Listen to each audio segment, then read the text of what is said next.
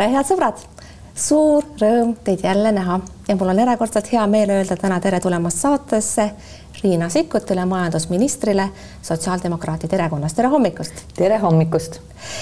Riina Sikkut, ma olen alati tahtnud teie käest küsida pärast seda, kui te majandusministri ametisse saite, et kuidas te tunnete ennast selle asendusesineja rollis?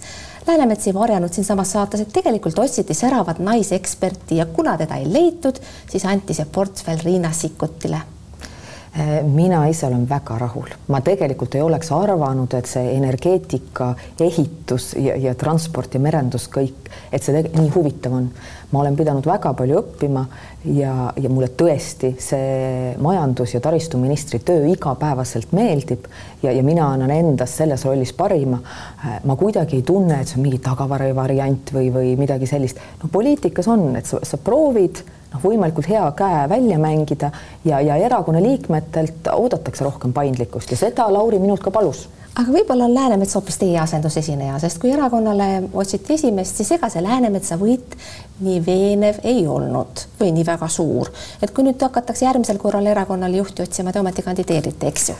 mul ei ole aimugi, ei ole ise selle peale mõelnud, ei ole otsust teinud, et äh, tõesti, äh, meil on demokraatlik organisatsioon, oli aus sisevõistlus äh, ja Lauri võitis okay.. mina, kuidagi selle peale tagasi ei mõtle või ei kahetse, nii et Hästi. vaatame, mis edaspidi saab. praeguses olukorras on kuidagi juhtunud niimoodi, et teie olete kus kuidagi nagu see teine ratas või teine ešelon elektrituru reformi tegemisel. Kristjan Järvan on see, kes poliitilise tahte korras, eks ole, Isamaa reformi ellu viib ja teie siis annate allkirju nagu viimati energiahüvitiste allkirjale. kui headel teineteise mõistmine on Isamaaga selles elektrituru reformi asjas mm? -hmm seekord vist esimest korda lepiti niimoodi kokku, et äh, Sotsiaalministeeriumis vaatamata sellele, et, et hoolekanne on Signe Riisalo all, siis äh, selle hoolekandereformi eest vastutab Peep Peterson. ja, ja Majandusministeeriumis vaatamata sellele, et energeetika on nii-öelda minu vastutada, siis elektrituru reform, mis oli Isamaa poliitiline ettepanek koalitsioonileppesse, et selle eest vastutab äh, Kristjan Järvan. minule see selline tööjaotus sobib, elektrituru reform on väga konkreetse tähtajaga, noh, juba vastu võetud asi, asi, see oli midagi, mida tema ära tegi, kõik muu, mis puudutab energeetikat, hüvitisi, on, on minu vastutada ja läheb sellist nagu tavapärast loogilist ahelat mööda Te tulete peaaegu otse Vihulast, sealt Präänikute maalt. okei okay,, nädalavahetus oli vahel, aga siiski. ja nende präänikutega on sel korral selline imelik lugu, et nad lõhnavad väga tugevasti valimiste järele. igaüks rõhutab erakondadest, mis ta sealt sai, teie saite hoolekande, hoole, hooldusreformi, karv läigib, aga kuidas ikkagi niimoodi, et enne kui te hakkasite neid läbirääkimisi pidada, pidama, oli kõik puudu ja siis, kui te jõudsite kokkuleppele, oli järsku kõik üle ja isegi nii palju üle, et kõik said midagi. see oli nagu hämmastav, kuidas niimoodi? ja vot ma ei saa üldse nõus olla sellega, et ja tegelikult mina olin valimiste laua ääres see, kes ütles, et no kuulge, et me ei pea nüüd eh, kriisi ajal, kus meil on erakorralised kaitsekulud, põgenikega seotud kulud ja, ja tõesti energiahüvitised et me ei pea nüüd äh, rahuaja eelarvereeglite järgi ka järgmise aasta eelarvet kokku panema, aga sellegipoolest alla kolmeprotsendise puudujäägi kriteeriumi jääb järgmise aasta ja kõigi järgmiste aastate eelarve. Ja nii et kui te viitate valimiseelsele eelarvele, siis see oleks olnud võib-olla rohkem ikka selline puudujääki kasvatav järgmise aasta jaoks. ei no ma pean ju selgelt silmas lubadusi valijatele, mida erakondade esimehed proovivad äh, täita, eks ole, ja rääkida, et meie rääkisime oma valijatele selle ja tolle välja välja, aga üks asi on seal veel imelik. Mulle tundub, et see riigieelarve, see on nagu mingi sassis rahakapp, pöörate seal ja siis leiate midagi, nagu ütles Läänemets. aga tegelikult võiks seal kogu aeg olla kord majas ja see ei ole nagu mingi raha leidmine, ei peaks olema nagu mingisugune sokkide või kadunud ujumistrikoo otsimine, et otsite, otsite, pöörate, tuhnite, lõpuks leiategi, see on natuke veider protsess. no eelmise aasta eelarve kulud olid kolmteist koma midagi miljonit, no sellel aastal kasvavad need veelgi, võib-olla siis vii, või kolmteist miljardit, seekord viisteist. noh, seal on võimalik ikka ju klapitada, ümber tõsta, ära jätta, aga nüüd valimiste-eelne eelarve, seda, et oleks puudujääki valimiste-eelselt kasvatatud, et inimestele midagi kätte anda, seda tegelikult ei olnud. nüüd see, mida tehti, jah, koalitsioonileppes äh, tehtud sellised põhiasjad, hoolekandereform, tulumaksuvaba miinimumi äh, tõstmine. kõigepealt tulevad ikka Eesti elubadused äh, jah, ja, ja aga palgatõusud. Praeguse inflatsiooni tingimustes kõik said aru, et kui õpetajate palk, päästjate, politseinike, kultuuritöötajate, sotsiaaltöötajate palk ei tõuse, et see ei ole aus ei ole võimalik, et me nende arvelt hoiame seda eelarvet tasakaalus. Ja, ja kaitsekulud noh, juba üle kolme protsendi jõuavad mõnel aastal, aga see on vältimatu praeguses julgeolekuolukorras ja seda, sellele keegi vastu ei vaielnud, nii et kõik ülejäänud kulud mahutati ära kaitsekulude kõrvale. Neid oli vähe, investeeringuotsuseid praktiliselt ei tehtud. nii et see, ma arvan, on järgmise koalitsioonilepingu teema ma tahaksin teiega elektrist ja elektrihindadest ja kõigest sellest, mis elektriturul toimub ja ei toimu, rääkida lähemalt, aga enne pööra, teeme sellise pöörde, et Teie olite korruptsioonivastase erikomisjoni, erikomisjoni esimees sellel ajal, kui Siret Kotka veidi kummalise üüriäri kohta tuli esimene vihje. ja teie mõtlesite vist, et see ei ole mingi tõsine asi, ei hakanud seda üldse uurima aga mulle tundub, et praeguses olukorras, kus Eesti Ekspress kirjutas nendest üürikorteritest, mida iseenesest on mitu ja kõigist Siret Kotka argumentidest ka, kuidas tema on üksikema ja ma ei tea, mida kõike veel, kõik üksikemad Eesti Vabariigist tõusid tagajalgadele see jutu peale. et mulle tundub, et Eesti Ekspress tegi ära teie töö, teie oleksite pidanud seda tegema selle komisjoni esimesena mehena, te ei teinud, miks mm? -hmm korruptsioonivastasesse erikomisjoni tuli anonüümne kaebus, mis ei puudutanud ainult kortereid, vaid igasugust muud sellist äh, ma ei tea, võib-olla sellist kuulujutu tüüpi eh, infot, ei olnud inimest, kellele konkreetselt vastata eh, et ei olnud ühtegi esitatud tõendit, me komisjonis arutasime ja otsustasime, et, et, et meil ei ole eh, noh. mis tea, tõendid, see on ju puhas laiskus, kes siis oleks pidanud tõendit otsima, teie minu arvates ja teie komisjon. Või siis, kui neid tõendeid ei ole, oleks pidanud jõudma järeldusele, et neid ei ole Te istusite no, seal niisama või? ei, aga no selles mõttes komisjon ei tegele kuidagi uurimis- või jälitustööga ja, ja Siret Kotkaga vestlesime, ta oli valmis tulema ka komisjonile selgitusi andma, et seal ei olnud mingisugust noh, ma ei tea, et inimene ei sooviks selgitada või, või tahaks midagi varjata, aga tõesti, ka korruptsioonivastane erikomisjon ei tööta läbi äh, kuluaruandeid või välja makstud hüvitisi Riigikogu liikmele. mis te teete seal siis, istute tõesti niisama või mis te teete seal? Ei, selles mõttes, et, et neid teemasid, et, et valitsemine oleks läbipaistev, et majanduslikult nagu teoreetiliselt või? Ei no raam peab kõigepealt paigas olema, et oleks üldse võimalik järelevalvet teha. Ja Eestis näiteks ka majanduslike huvide deklaratsioonide esitamine, mida Riigikogu liikmed teevad. ei no näiteks see ja näiteks too, aga mina tahan väita seda, et esiteks ajakirjanduse tegi ära teie töö ja teiseks te keerasite käki kokku Siret Kotkale ka, mis te arvate, et tal oli tore neid lugusid lugeda või? Oleksite te tookord asjad korda teinud, Siret Kotka oleks teile aru andnud, kogu see skandaal oleks jäänud olemata. Mina vaatan teie otsa kõigepealt. ja, ja seda ma tahtsingi selgitada, et näiteks majanduslike huvide deklaratsiooni puhul asi ei ole selles mõttes järelevalves, et me peaks iga eh, viidatud kinnisvaraobjekti või, või üles antud autot kontrollima ja kindlaks tegema, kes sellega sõidab. see, et see info on regulaarselt esitatav ja avalik, see tähendab seda, et ka ajakirjandusel on roll. see, et on võimalik, kui on kaebused või kahtlused sinna sisse vaadata, täpselt samamoodi on kuluhüvitiste puhul.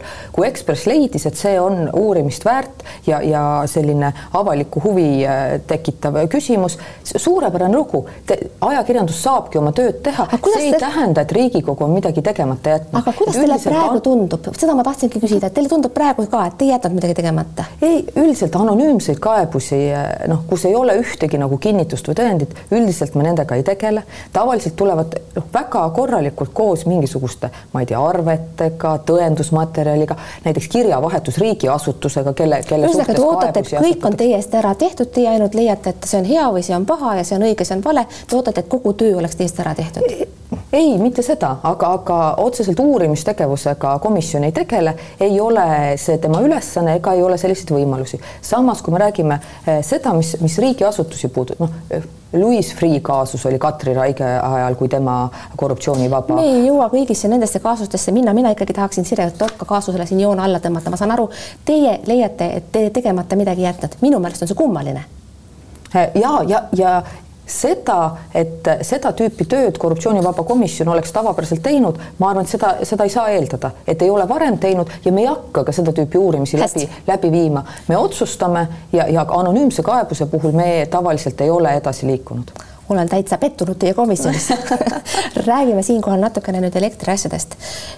kui universaalelekter laieneb nüüd ka väikestele mikroettevõtetele. see otsus kahtlemata oli kergendus teatavatele, teatavat tüüpi ettevõtetele, aga suurtele see muidugi midagi kaasa ei aita. palun selgitage kahe sõnaga või no ütleme kolme lausega maksimaalselt, mida need likviidsusmeetmed võiksid siis tähendada, mida suurettevõtted võivad loota?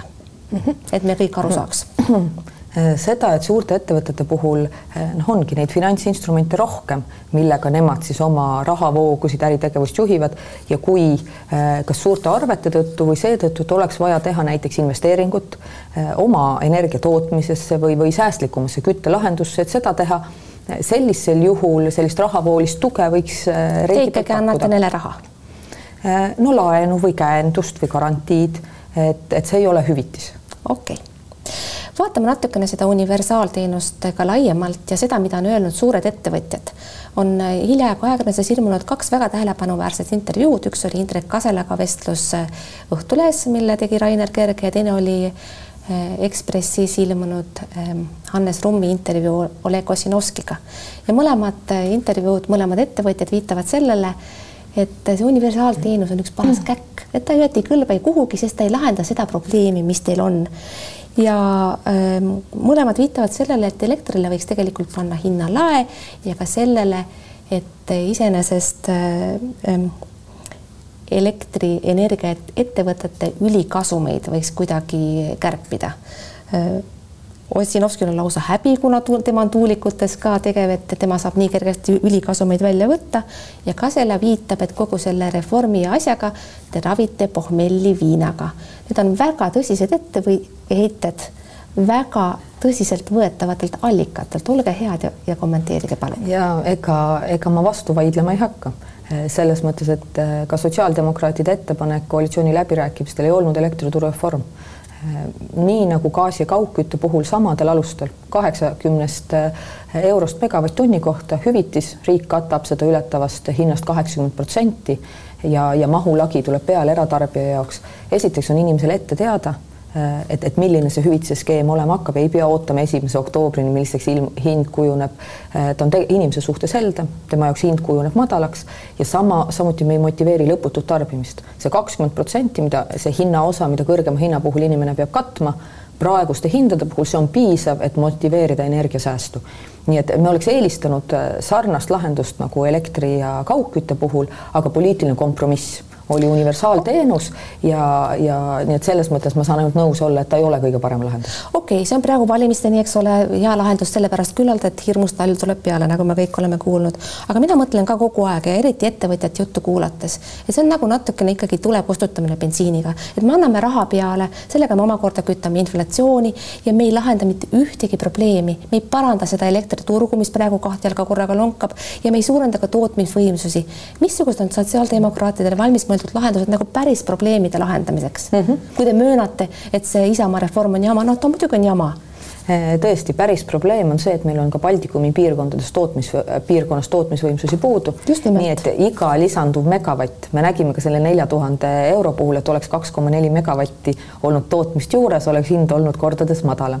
nii et tõesti, äh, kas tootmishoonete katusele pandud päikesepaneelid, äh, tuulikute arendustega edasiminek, see tegelikult kõik aitab lisaks talveperioodil Eestis on ikkagi koostootmisjaamadel, mis on väga efektiivsed, äh, suur roll.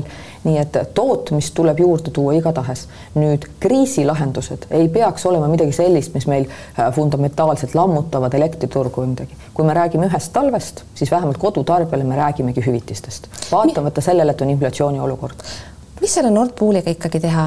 minule ausalt öeldes turumajandus väga meeldib, aga ma, mulle on hakanud ka viimasel ajal tunduma, et ma ei saa täpselt aru, mis seal toimub, et kuidas ikkagi on võimalik, et me ei tunne neid, neid, kes seal pakkumisi teevad ja me ei tea täpselt neid reegleid. kas äh, selles, selles vallas on oodata mingisugust selgust mm? -hmm Nord Pooli juht Indrek Ar Ingrid Arus on väga ilusti tegelikult intervjuudes ka selgitanud neid börsi toimimise põhimõtteid ja seda, kuidas hind kujuneb. nüüd seda, et läbipaistvust on juurde vaja ja järelevalve peab kiiremini tegutsema, seda noh, tõesti, see on olnud minu ettepanek ka Euroopa Komisjonile ja Nord Poolile. see on midagi, mida üle-euroopaliselt on vaja, et inimesed oleksid valmis üldse börsi usaldama ja sellega edasi minema.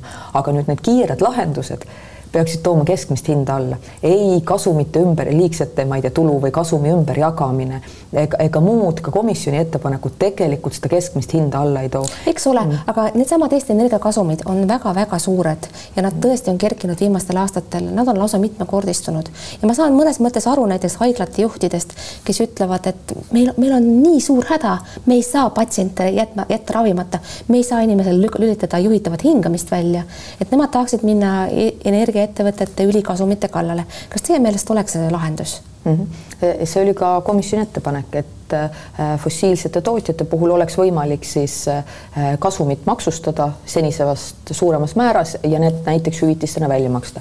aga siin me räägime ikkagi sellest samast bensiiniga tule kustutamisest või, või et meil on vaja tegelikult see keskmine hind alla tuua, et ei oleks haiglad, kodutarbijad, ettevõtted mures ja noh, me vaatame, et hinda viib üles gaasi hind, gaasi kõrge maailmaturu hind e Euroopas gaasi napib, sest me oleme erakordselt kiiresti Vene gaasist väljunud. ja Euroopa Komisjon hind... tegelikult ju gaasile hinnalage ei nõudnud ja sellist ettepanekut ei tulnud, ma saan aru, see oli Eestile tohutum pettumus. ja gaasi hind tõesti omakorda veab elektri hinda kogu aeg kaasas. mis me siin ise teha saame?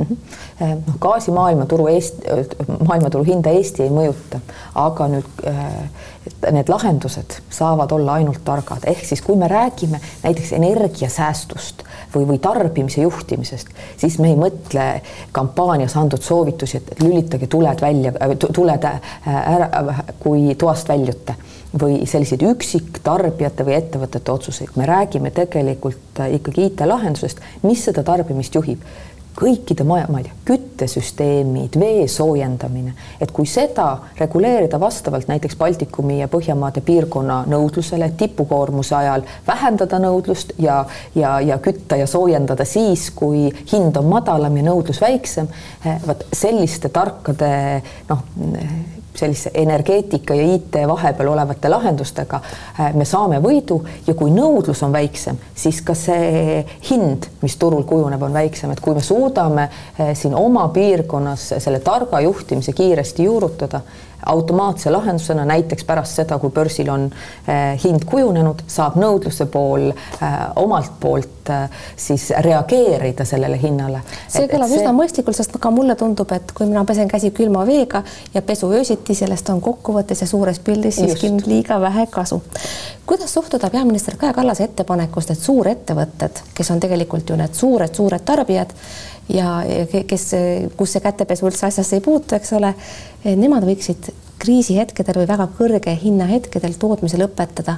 ma iseenesest saan aru, kust see selline mõttekäik tekib, aga ma mõistan väga hästi suurettevõtete juhte, kes peavad sellist ideed absoluutselt totraks. kuidas teile tundub mm? -hmm. tõesti, et kõik need kätepesud ja, ja äh, tulede kustutamised on lõpuks väikese mõjuga. tööstus on see, mis Eestis ka suure osa nii elektrist kui gaasist tarbib ja seal need võidud on suuremad. Äh, Baltikumi piirkonnas, no see kõige suurema mõjuga otsus on juba juba tehtud, et Leedu suur väetisetootja, kelle aastane gaasitarbimine oli sama suur kui Eesti riigil tervikuna ka,, kaks korda sama suur kui Eesti riigil tervikuna. Eh, tema nüüd eh, praegu ja sellel talvel gaasi ei tarbi, see on suur võit kogu piirkonnale.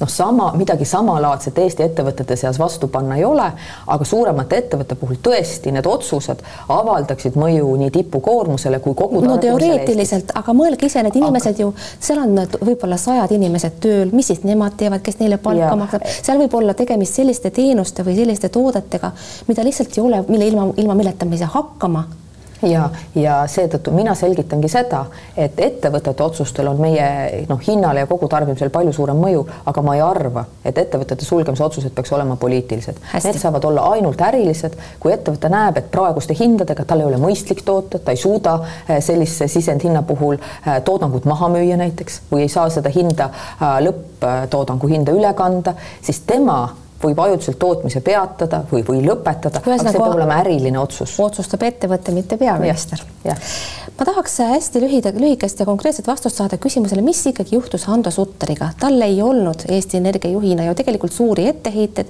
ja nüüd öeldakse, et ta peab minema moorama, mees on oma töö teinud, ta võib lahkuda. kas tõesti vastavad tõele need jutud, et talle, et ta lihtsalt ei meeldinud peaministrile? Milles asi? seda ma ei oska kommenteerida, et eh, tõesti, mina ei ole ka Eesti Energia nõukogus, see oli nõukogu otsus, aga noh, ma arvan. kuidas teile paistab? aga ükski juht ei pea olema eluaegne. ei no see, seda juttu me oleme kõriauguni juba kuulnud, aga mis ta valesti tegi?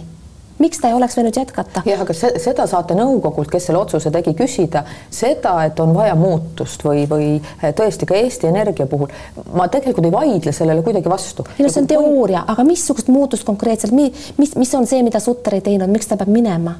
ja aga seda te saate Eesti Energia ei, aga kuidas teile paistab? Noh, mina ju seda otsust ei teinud.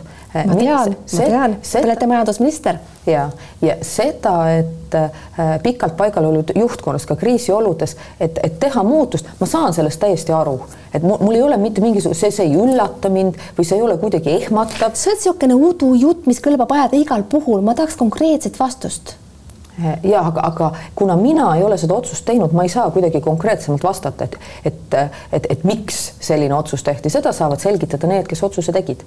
hästi. Kaja Kallas, peaminister, on kogu aeg rõhutanud, et meid ootavad ees kohutavad ajad, hirmsad ajad, sellist talve nagu see, mis tuleb, ei ole meil mitte kunagi olnud.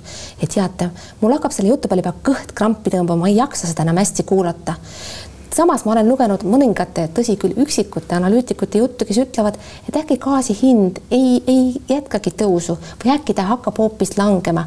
kas teie võiksite öelda, et noh, pakkuda välja nagu mingisuguse teise variandi kui see lõputu hirmutamine, millega ma nagu ei jaksa enam toime tulla, ma arvan, ma ei ole ainus. no vahel juhtub nii, et, et mõlemad lood võivad korraga tõesed olla ja minu arust siin on samamoodi, et, et kui, kui lähtuda, ma ei tea, tervest mõistusest ja, ja eeldada, et äh, asjad lähevad hästi ei ole erakordselt külma talve ja ükski riik ei käitu protektsionistlikult, meil energiaturg siin püsib, nii gaas kui elekter liigub, siis tõesti võib-olla ei ole mitte midagi hullu ja ka gaasi hind ei pruugi üles hüpata, aga teadupärast me väga vähe kontrollime seda, mis toimub, sest Euroopas on sõda. et ühesõnaga peaminister hirmutab lihtsalt sellepärast, et kui läheb paremini, siis meil oleks hea meel, et kõige hullemat ei juhtunud. Äh, ei, aga, aga sõjaoludes me näeme, et äh, Venemaa keeras Soomel gaasi kinni. no seda, et Nord Stream üks nii kiiresti nulli jõuab no vot, ei oleks seda ka osanud oodata. nüüd küsimus on selles, et, et äh, rinne on küll Ukrainas ja Ukraina edeneb hästi aga Venemaa teadupärast sõdib ka teistel rinnetel, sealhulgas energiarindel, et mis on need käigud, mida ta veel teeb. Ja neid ei oska meie ette ennustada, neid ei suuda meie kontrollida ja seetõttu ka peaministri hoiatus, et tuleb olla valmis keeruliseks talveks, see on seotud, ma arvan, eelkõige riskihinnangutega, sest on väga palju sellist, mida meie ei kontrolli, aga milleks me peame valmis olema, sest Euroopas on sõda minister Sikkut, lõpetuseks me läheme isiklikuks, nagu ikka millal te viimati toidupoes käisite ja kui suur oli arve hmm,? ma arvan, eelmisel nädalal ma ei oska arvet öelda, no see, ma käisin koos vist väiksema lapsega, siis me ostsime suhteliselt vähe, selline piim ja munad ja leib ja selline. palju kokku läks? Äh, ma arvan, et läks võib-olla mingi mõniteist eurot, aga. aga kes siis tavaliselt poes käib? ei, mina käin, jah. kui suur on keskmine arve?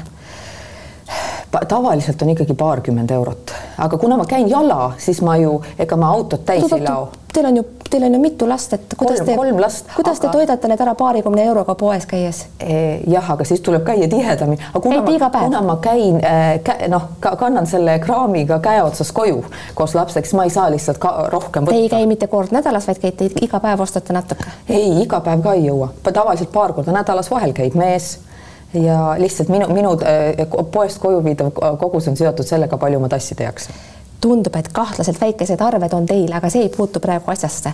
tahaksin lõpetuseks küsida külamees Kalevi küsimuse. külamees Kalev nimelt võttis sõna Facebookis, kus vaatajad saavad esitada küsimusi enne saadet ja see küsimus kõlab. ametlik elatusmiinimum on meil momendil kakssada kolmkümmend kolm eurot. kas see pole mitte otsene rahva mõnitamine ja alandamine? Äh, tõesti, elatusmiinimum on madal, on kogu aeg olnud madal ja on väga keeruline uskuda, et inimesed sellega toime tulevad. Äh, toimetuleku piir on kakssada ja alles eelmisel aastal ta tõusis saja viiekümne pealt kahesajani. nii et see on see, mis inimesel kätte jääb, kui, kui ta toimetulekutoetust saab. küsimus oli, kas see pole mitte rahva mõnitamine ja no, alandamine? absoluutselt, ka rahvapension on madal. Äh, tõepoolest, meil on väga palju inimesi, kes peavad väikese sissetulekuga toime tulema ja noh, nii nagu te küsisite toidupoe arvete kohta, et et on keeruline, ta pigem on statistiline ühik, on see elatusmiinimum, aga me peaks suutma inimestele parema toimetuleku tagada. Riina Sikkut, ma tänan teid südamest selle jutuajamise eest, head sõbrad, aitäh, et te vaatasite. järgmine saade on eeldatavasti juba järgmisel nädalal, teie aga elage vahepeal hästi. olge hoitud, olge terved, kuulmiseni ja nägemiseni.